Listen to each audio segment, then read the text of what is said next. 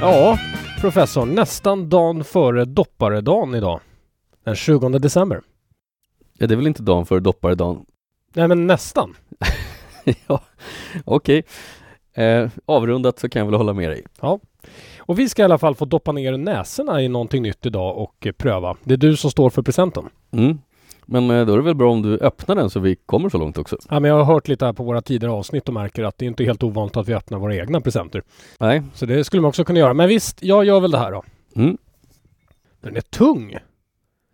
Den är väldigt tung. Ett hårt paket, det är trevligt. Ja, det är bra. Eh, stämmer nog att den är lite tyngre än de vanliga pjäserna vi har. Ja, men nu behöver jag inte titta mer för nu ser jag att den har en sån här turkos färg på flaskan. Mm. Och vad betyder det? Att det är en Brors Laddie. Ja, det är klart. Det kan också vara en sån här förskräcklig likör de har på Systembolaget. Den har också samma färg. Jaha, ja, det är bäst att jag öppnar hela då. Ja, Det är inte så att du har försökt spara in på pengarna nu igen och köpt en likör istället för en whisky? ja vi får se. Nej, men nu står det ju Bror Laddie på den i alla fall, så nu känns det bra. Ja, vad skönt. Det- Skönt att jag inte gjorde dig helt besviken i alla fall. Nej, men det här, det är inget, inget fel på Brors Laddie.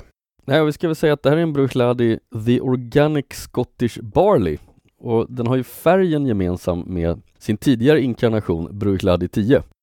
En No Age, eller? Mm, det är New Age. Det står massa konstigt på flaskan också om eh, Cole Moore, Mains of Talibardin Farms. Jag tror att det är därifrån malten kanske kommer. Det stämmer nog. Men du, hur fick du ihop den här med lucka nummer 20? Mm, eh, här får jag väl säga att eh, jag såg ju inte det uppenbara direkt. Okej. Men efter ett tag förstod jag ju att det är ju den röda färgen som är nyckeln till det här.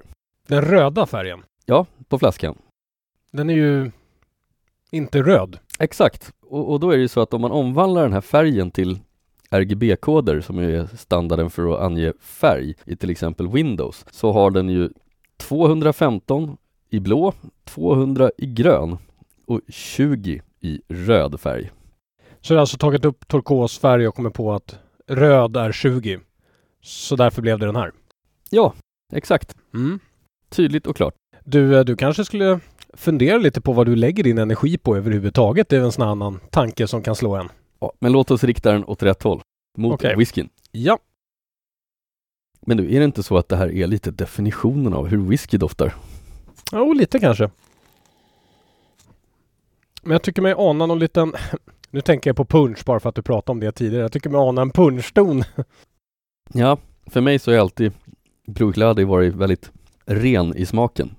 Lite grann som man tänker sig en ganska försiktig maltbaserad smak och inte så jättemycket annat.